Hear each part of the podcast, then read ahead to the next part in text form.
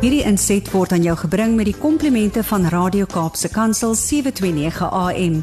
Besoek ons gerus by www.cape pulpit.co.za. Gesels met Lauren Swanepoel op maandagooggend. Ek weet baie van julle het 'n bietjie bemoediging nodig. Dit is nog koud hier so in die oggend en ons is lus vir die ou lente. Volgende tema is change your mindset and change your life. Jo, dit klink na iets wat baie van ons wil hoor om ons denke te verander. Nou as jy wonder wie's Lauren Swanepoel, hy's 'n mentor, 'n besigheidsman, 'n motiveringsspreker en iemand wat ons altyd help om ons koppe reg te kry veral vir die besigheidsmense. Sy fokus altyd op persoonlike ontwikkeling en altyd hier om vir ons te inspireer op 'n maandagooggend. Môre Laurens. Môre Leomi, môre Brad. Morning. Ehm um, ja, ons wag natuurlik op die sneeu. Ons is baie opgewonde hier. Ai ai ai, die fopnies. uh, absoluut. Uh, Vanoggend gaan ons juis oor hierdie baie belangrike konsep praat wat so relevant is in vandag se tyd. Mm. Want uh, jy weet uh, hulle praat, hulle het al hulle nuwe term en 'n nuwe kondisie het hulle nou ge, ge identifiseer en hulle praat van COVID fatigue. Ja. En uh, jy, jy kan dit sien as jy met die mense praat. Ek bedoel dit is net so dat uh, waar mense aanvanklik wou gesê ek wag net vir die uh, inenting. Nou is dit hulle hulle wil nie meer so toe gaan nie. Dit is want dit is net al hierdie verskillende opinies Ja. en die ouens is moeg vir hierdie ding. En ek wil 'n storie vertel uh, juis oor die getuienis wat ek voor my oë gesien uh, uitspeel het Mm. met die ouens van Amerika wat ek ken. Uh hulle noem dit Garen Jones. Mm. En uh, die mannetjie was was vir 'n um, 'n man wat klein oortreding was hy toe nou uh, in die tronk gesit en hy het so 'n paar uh, maande daar gespandeer en toe kom hy uit en toe is hy nou letterlik is hy op straat. Ja. Hy hy het nie 'n werk nie, het niemand wil hom want die eerste ding wat hulle hom vra en jy moet dit uh jy weet uh, ontbloot uh, om te sê dat jy uit so jy weet uh, tronkstraf uitgedien. Mm. En hierdie man uh, hy sukkel toe nou. Mm. Nou op 'n stadium sien hy 'n pamflet en hy reageer op die pamflet en en uh, hy's op pad sien toe en wat hy gehad het en hy het geleef in sy sy kar uit so 'n uh, stukkende karretjie gehad maar hy het oorleef. So hy Ja. was nie op straat nie, maar hy was in sy kar op straat, nê. Nee. Ja.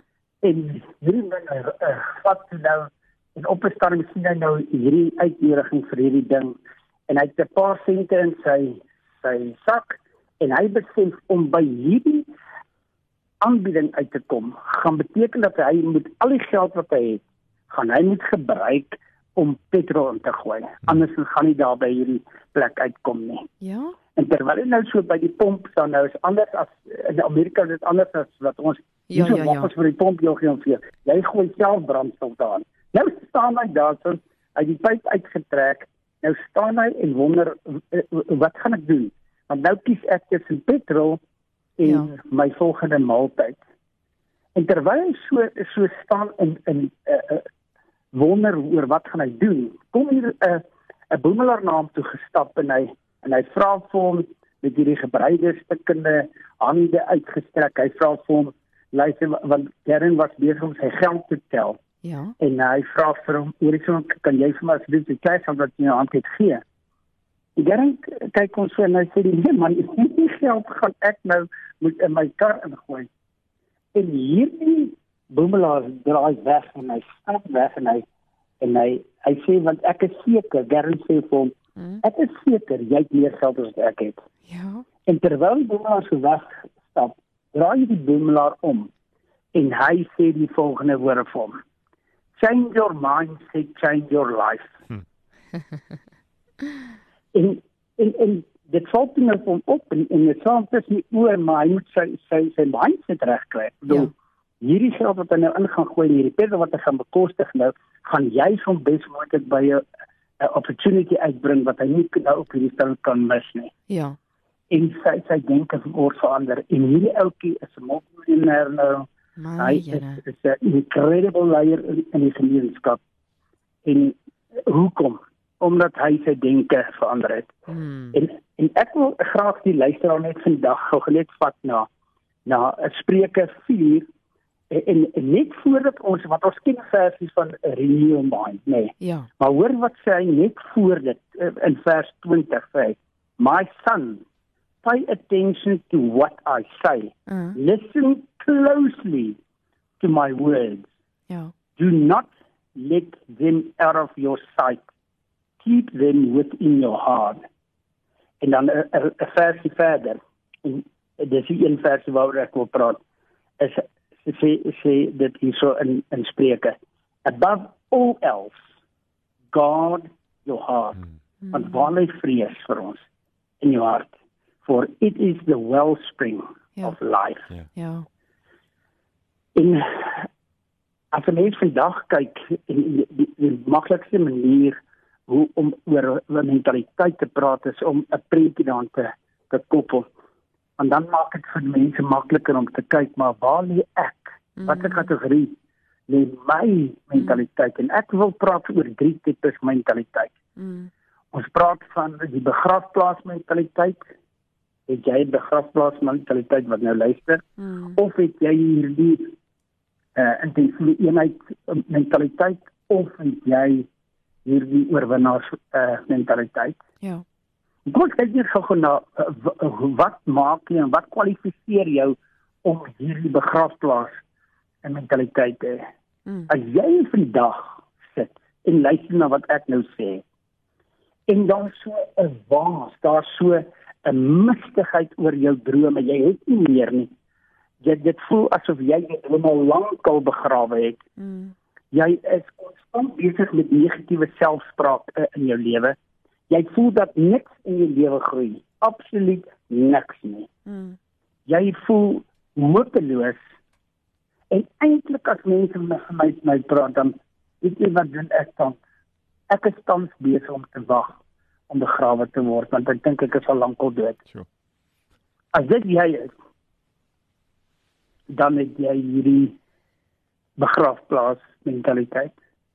Of het jy nog steeds 'n bietjie van van groei in jou mentaliteit en ek verwys na hierdie as as die intensiewe eenheid mentaliteit want jy sien groei sal slegs deel van jou lewe wees wanneer daar supervision is oor jou. Met ander woorde wanneer iemand vir jou sê wat om te doen as as iemand wat vir jou dissipline afdwing en iemand wat jou in 'n ritme inplaas en iemand wat wat vir jou goeie sê maar die oomblik is is soos hierdie hierdie persoon wat in die, in die ICU lê hy sal net beter word as die verpleegster by hom is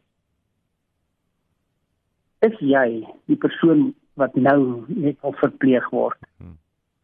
Want jy sien ek word 'n high maintenance mens. Ek is negatief ingestel en ek weier om verantwoordelikheid te vat. Mm. Ek lê daar. Ek is siek. Dit gaan nie goed met my gesondheid nie, maar ek wag vir die verpleegster om te kom en my te versorg. Is jy die ou wat hierdie mentaliteit het? Of is jy die ou wat wat die mentaliteit het wat hierdie oorwinnaars mentaliteit? Die woord praat van to overcome. Mm. Is jy die ou wat wat hierdie mentaliteit het? Leef in, in uit, uitdagende omstandighede, maar weet jy wat? Ek sal doen whatever it takes. En as mens hierdie mense ont, ont, ontleed en hulle mentaliteit ontleed, is daar een woordjie wat konstant deurkom. En ek wil hierdie woordjie in- twee maniere vir julle gee Mm. vandag lewe my. Eerstens is het hierdie persoon 'n ritme in sy lewe? Is daar 'n patroon? Ja. het hierdie persoon consistency in in hierdie want jy sien dit help net wat verantwoordelikheid van vandag maar die res van die week laat ek toe aan aan aan ek weet nie aan doen nie of ek het ek hierdie consistency en hierdie ritme ontwikkel my lewe dat daar 'n patroon in my lewe is Mm. wat sê ek vat verantwoordelikheid vir my omstandighede en ek sal saam met die Vader en en met die Heilige Gees sal ek gaan en ek sal saam die ou keer raak van 'n well-designed life. Mm. Want jy sien soveel van ons doen dit nie.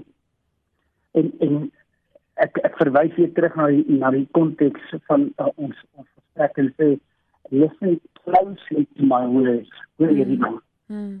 En nou sê jy in die Romeine 12 vers 2 sê do not conform no longer to the pattern of this world. En 'n patroon is iets wat ons kan gebeur. Mm. Elke dag consistent dit maar daar is 'n ritme by voeters. Jy sien wanneer mense inkom en hulle eet hulle self in 'n dag. Dan is dit nie net 'n jy het 'n probleem nie.